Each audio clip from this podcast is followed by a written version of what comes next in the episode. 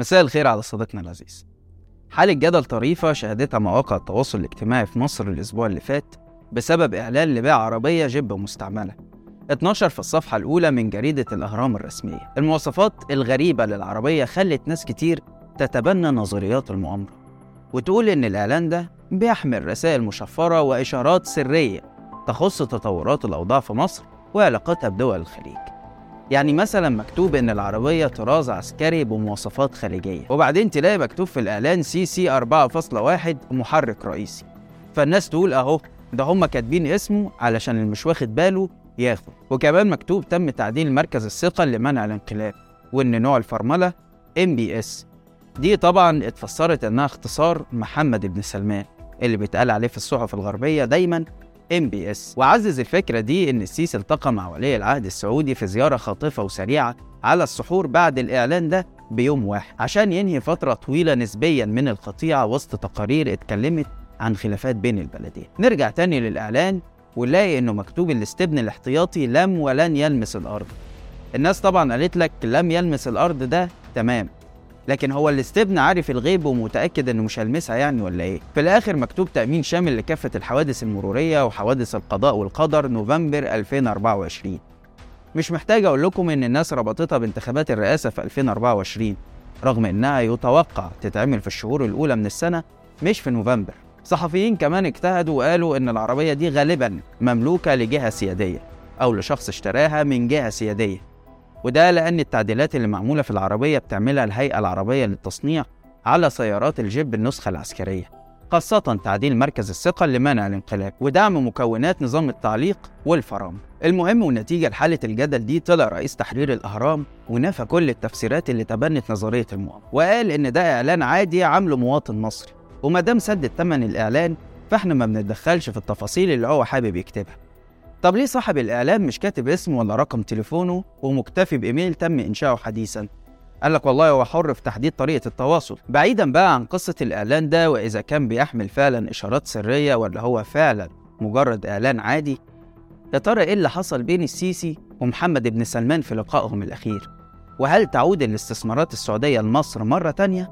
ده اللي هنحاول نعرفه معاكم في حلقة النهاردة بس قبل ما ندخل في الحلقة حابب أشكر المنتسبين الجدد في القناة على دعمهم المستمر. وانتوا كمان لو حابين تدعمونا تقدروا تنتسبوا في القناة. ويلا بينا ندخل الحلقة. أنا عبد الرحمن عمر وده برنامج إيه الحكاية؟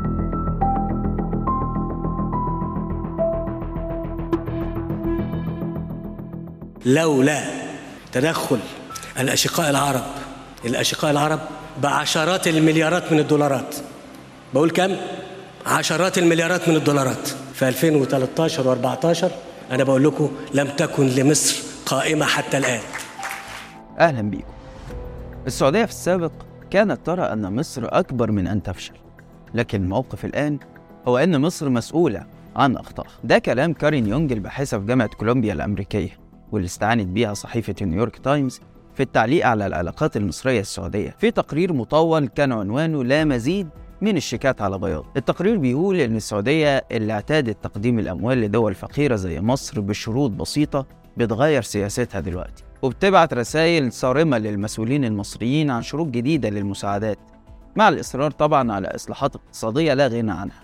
بتتمثل في خفض الدعم وخصخصة الشركات الحكومية وإبعاد الجيش عن الاقتصاد المدني ودي تقريبا نفس شروط وتوصيات صندوق النقد الدولي. ده بيحصل رغم مرور مصر بواحدة من أصعب أزماتها الاقتصادية واللي بتخلي السيسي يتوسل المساعدة من الداخل ومن الخارج. تعالوا مع بعض كده نشوف الصورة من ناحية السعودية وبعدين نرجع نشوفها من ناحية مصر. من ناحية السعودية قادة المملكة زهقوا من تقديم مساعدات لا نهاية لها لدول فقيرة زي مصر لأنهم بيشوفوا الفلوس دي بتتبخر قدام عينيهم في مشروعات فاشلة وغير مجدية. ده اللي بيقوله تقرير نيويورك تايمز. مثلا السعودية إدت لمصر 46 مليار دولار في الفترة من 2013 ل 2020 في صورة ودائع للبنك المركزي واستثمارات ونفط وغاز. وبعد كده يلاقوا السيسي جاي لهم النهارده وعايز مساعدات تاني وتالت. لأنه صرف الفلوس اللي فاتت على عاصمة إدارية وأصول رئاسية وطرق وكباري. وغيره بقى من المشاريع اللي بعضها نافع بس مش وقته وبعضها مش نافع خالص. هنا قادة السعودية بيكون عندهم سؤال. هو الفلوس اللي اديناها لك دي راحت فين؟ والفلوس اللي انت عايزها دلوقتي هتروح هي كمان فين؟ وده اللي بيعبر عنه المحلل السياسي السعودي هشام الغنام لما بيقول في بعض الأحيان تحتاج إلى معرفة إلى أين تذهب الأموال. هل تعود بالنفع على الناس؟ السعودية أكبر مصدر للنفط الخام في العالم بلد غني جدا. سنة 2022 مثلا سجلت فائض ميزانية قدره 28 مليار دولار. مستغل ارتفاع أسعار النفط غير المتوقع نتيجة الغزو الروسي الأوكراني. ولي العهد والحاكم الفعلي الشاب محمد بن سلمان بيعمل حاجتين جداد على المملكة. الأولى إنه بيغير شكل الاقتصاد السعودي عن طريق زيادة الإنفاق على القطاعات غير النفطية. بما في ذلك الاستثمارات ودعم الصناعات الجديدة زي السيارات الكهربائية. وعشان كده عايز يحول الرياض لأنها تبقى أكبر مركز للأعمال التجارية في الشرق الأوسط كله متخطية الإمارات وقطر اللي هم دول أصغر منها بس سبقوها في المساحة دي. السياسة دي بدأت تتبلور كده بعد انخفاض أسعار النفط سنة 2014 اللي أثقل كاهل السعودية بثمان سنوات من عجز الموازنة وسبب حالة من الخوف عند قيادتها من الاعتماد على النفط كمصدر وحيد للدخل. الحاجة التانية هي تغيير الطريقة اللي بتستخدم بيها المملكة قوتها المالية من خلال رفع شعار مصالح السعودية أولا وده معناه إن تقديم المساعدات للآخرين يكون بهدف الربح والتأثير بدل الدعم المجاني. مثلا السعودية بتلعب دور شبه صندوق النقد الدولي كده مع بعض الدول.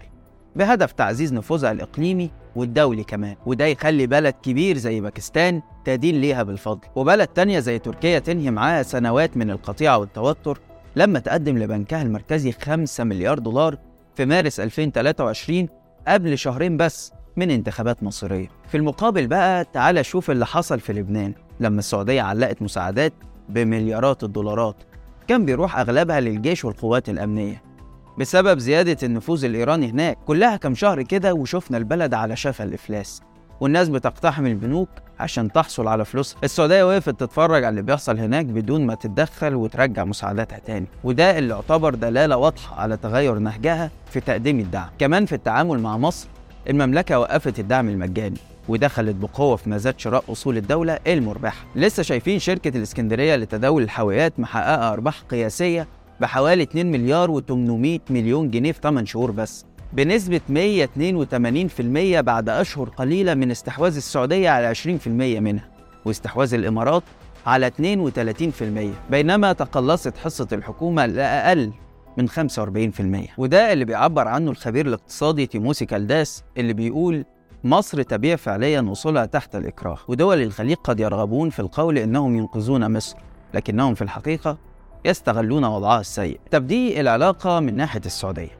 يا ترى مصر بقيادتها الحالية شايفاها إزاي؟ السيسي من لحظة وصوله للسلطة وحتى الآن عارف كويس قوي إنه في أمس الحاجة لاستمرار الدعم الخليجي. في البداية كده مارس معاهم لعبة ابتزاز بناء على فكرة إنه خلصهم من الإخوان وتيار الإسلام السياسي اللي كان بيمثل تهديد محتمل من وجهة نظر قادة السعودية والإمارات. وفهمهم إنه بيخوض حرب بالوكالة عنهم في مواجهة ثورات الربيع العربي وبناء بقى على الصفقة دي خد منهم مليارات الدولارات. فلوس زي الرز حسب تعبيره هو بنفسه في كلامه مع عباس كامل. هم الفلوس عندهم زي الرز أنا عارف فاهم.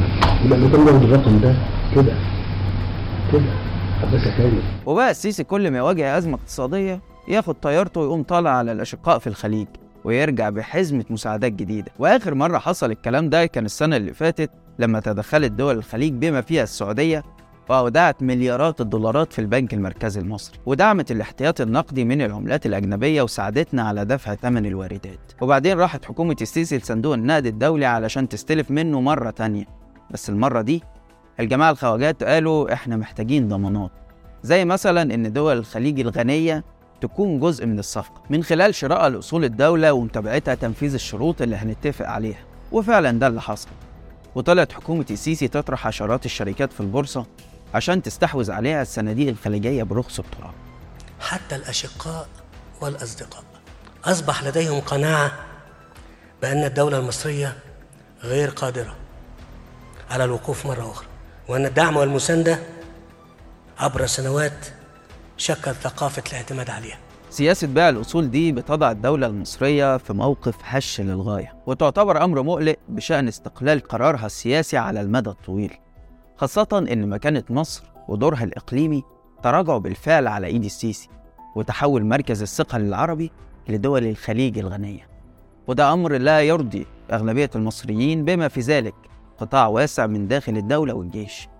والدليل على كده كمان حالة التوتر اللي سادت العلاقة بين مصر والسعودية خلال الشهور اللي فاتت بعد الهجوم الإعلامي المتبادل واللي بدأ من كتاب مقربين لولي العهد على إدارة السيسي بسبب عدم تنفيذها الشروط الاقتصادية المتفق عليها. بما في ذلك إبعاد الجيش عن الاقتصاد وفتح المجال بدرجة أكبر قدام الاستثمارات الخليجية. قبل ما يجي الرد سريعا من رئيس تحرير صحيفة الجمهورية الحكومية اللي وصف أهل الخليج بأنهم حفاة عراة وما لهمش حق يملوا على مصر سياستها. بس طبعا المقال اتحذف واللي كتبه نزل اعتذار رسمي. وطلع السيسي يهين إعلامه ويطالبهم بالصمت وعدم نسيان فضل دول الخليج على مصر. ووزير المالية قال مصر حريصة على تقديم كل ما هو مطلوب لعودة الاستثمارات السعودية. ما يصحش إن إحنا يعني نسيء لأشقائنا ومش هقول نسيء بقى. وما ننساش ما ننساش وقفة أشقائنا معنا لا تنسوا الفضل بينكم لا تنسوا الفضل بينكم. بعدها السيسي خد جولة في قطر والإمارات اللي قرر منها الكلام عن العلاقة الوثيقة بين مصر ودول الخليج. واستخدم كلمات مهينة شويتين كده وبتقلل من مكانة مصر وبتظهرها وكأنها دولة متسولة. كان في من ضمن ال- الكتاب كان بيقول إيه؟ عايزين نشيل من القاموس العربي كلمة الأشقاء العرب. وأنا بقول له ربنا بيقول إنما المؤمنون إخوة. السيسي في جولاته دي كلها ما زارش السعودية. اللي الخلاف معاها ظهر على السطح وتشعب لقضايا مختلفة. من مسألة الدعم الاقتصادي للخلاف حوالين تسليم جزيرتي تيران وصنافير اللي السيسي اعتقد انهم ممكن يكونوا ورقة في إيده يلعبهم بيها. لقضايا إقليمية زي التطبيع مع نظام بشار الأسد وإعادته لجامعة الدول العربية اللي السعودية فضلت لوقت طويل مصممة على استبعاده قبل ما تتراجع مؤخرا بالتزامن مع مصالحتها التاريخية مع إيران. والكلام حاليا انهم هيوجهوا دعوة لبشار إنه يحضر القمة العربية في شهر مايو القادم. كل ملفات الخلاف دي كانت محتاجة قعده بين السيسي ومحمد بن سلمان حتى لو على السحور في مدينة جدة ولمده ثلاث ساعات بس. بحضور عباس كامل رئيس المخابرات ودراع السيسي اليمين ومساعد بن محمد العيبان مستشار الأمن الوطني السعودي. الجلسة السريعة والخاطفة جت بعد أشهر من الغيوم بين القاهرة والرياض. بحسب موقع اندبندنت عربية السعودي. واللي اتكلم عن عدد من ملفات الخلاف اللي خلت العلاقات بين البلدين تمر بمراحل مد وجزر. بس في نهايتها الطرفين قالوا كلام عام عن الأخوة والصداقة وإنهم ناقشوا مجالات التعاون وكده يعني. لغاية ما نشرت وكالة الأنباء السعودية صورة للزيارة اعتبرها البعض مهينة للسيسي أو مثيرة للسخرية منه. علما بأن حساب السيسي نشر مجموعة صور ما كانتش دي من بينها السخرية دي خلت الناس تسترجع صور السيسي مع الملوك والأمراء السعوديين. واللي كتير منها ظهر فيها بشكل مهين. من أول لما طلع للملك عبد الله على الطيارة وبس راسه لغاية صوره مع الملك سلمان وولي عهده دلالات الصور دي بتلخص علاقة السيسي بالكفيل السعودي واللي هي مبنية على التوسل وتقديم أي تنازلات مطلوبة علشان ينول الرضا وياخد المعلوم. زيارة السيسي للمملكة كان هدفها بدون شك عودة الاستثمارات السعودية لمصر. فيما بدا وكأنه استعداد متبادل لتجاوز الأزمة. بمعنى إن السيسي أكيد هيستجيب للشروط السعودية ويديهم حصة أكبر من أصول الدولة. ويمكن موضوع كمان تيران وصنافير ده يخلص وتتسلم لهم رسمي. وده لأن السيسي بيواجه أزمة اقتصادية صعبة جدا. قيمة الجنيه قلت أكتر من النص في خلال سنة واحدة والدولار وصل سعره 31 جنيه. ده غير إن في كلام عن تعويم جديد متوقع الأيام الجاية. خبراء الاقتصاد بيقولوا إن الجنيه واحد من أسوأ العملات أداء في 2023 مع الليرة اللبناني والبوليفار الفنزويلي والدولار الزيمبابوي وده بسبب التضخم اللي ارتفع معدله الأساسي ل 40% والعجز المالي اللي قدره صندوق النقد الدولي ب 17 مليار دولار. حتى رفع البنك المركزي قيمة الفايدة بنسبة 2% لا يتوقع أنه يحفز تدفق رأس المال وبالتالي من غير المرجح أنه يخفف الضغط على الجنيه أو يزود الاحتياط النقدي من العملات الأجنبية اللي انخفض من 40 مليار دولار ل 34 مليار دولار في الشهور الأخيرة ده كله غير أزمة الديون اللي الباحث ماجد منظور بيقول في موقع Middle East Eye إنها بلا مخرج واضح وإن القادم هيبقى أسوأ. وده لأن أثرها ممتدة على المستويات السياسية والاجتماعية كمان. مثلا في أزمة 2016 ارتفع معدل الفقر من 27% ل 32% وده معناه إن حوالي 5 مليون مواطن أضيفوا لقائمة الفقراء. الأزمات الاقتصادية دي بتسحب من شرعية السيسي وده بيخلي النظام يزود قبضته الأمنية وقمعه للمعارضين خوفا من تأثيرهم على شرائح المجتمع المتأثرة بالأزمات اللي هو السبب فيها. وكمان بيخليه يتجه لعسكرة الدولة بصورة أكبر. شفنا مثلا حضور السيسي وزير الدفاع اختبارات المتقدمين لشغل وظائف حكومية سواء في وزارة النقل أو وزارة التربية والتعليم في الأكاديمية العسكرية في نوع جديد من العسكرة مصر عمرها ما عرفته قبل كده ويمكن محدش توقعه في أسوأ كوابيسه. كمان ما ننساش إن الأزمة دي بتؤدي لتخفيض الإنفاق على الخدمات الأساسية زي الصحة والتعليم والخدمات الاجتماعية لأن سداد الديون وفوائدها بيؤدي لامتصاص الموارد الاقتصادية للدولة. وده لأن السيسي بدل ما يسمع كلام الخبراء ويخفض الإنفاق على المشاريع القومية والبنية التحتية لا بيلجأ لتخفيض المشاريع اللي ليها عائد مباشر على الشعب. في النهاية حابب أشكركم على التفاعل الكبير مع الحلقة اللي فاتت. قرأت كل تعليقاتكم وتفاعلت مع بعضها.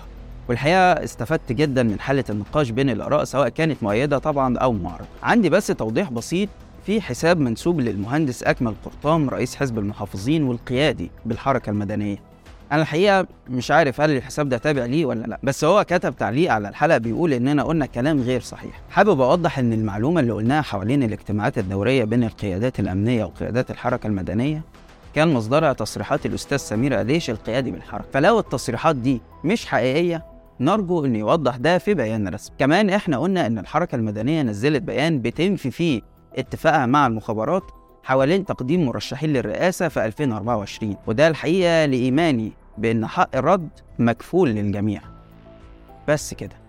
لحد هنا وحلقتنا خلصت. لو الحلقة عجبتك اعمل like و share واشترك في القناة عشان يوصلك كل جديد. وما تنساش إنك تقدر تسمع البرنامج بتاعنا بودكاست من الروابط اللي هتلاقيها في التعليقات. وتابعنا على حساباتنا في الانستجرام والتيك توك. واستنانا في رمضان كل يوم جمعة الساعة 8 بالليل بتوقيت القاهرة في حلقة جديدة من برنامج إيه الحكاية. سلام.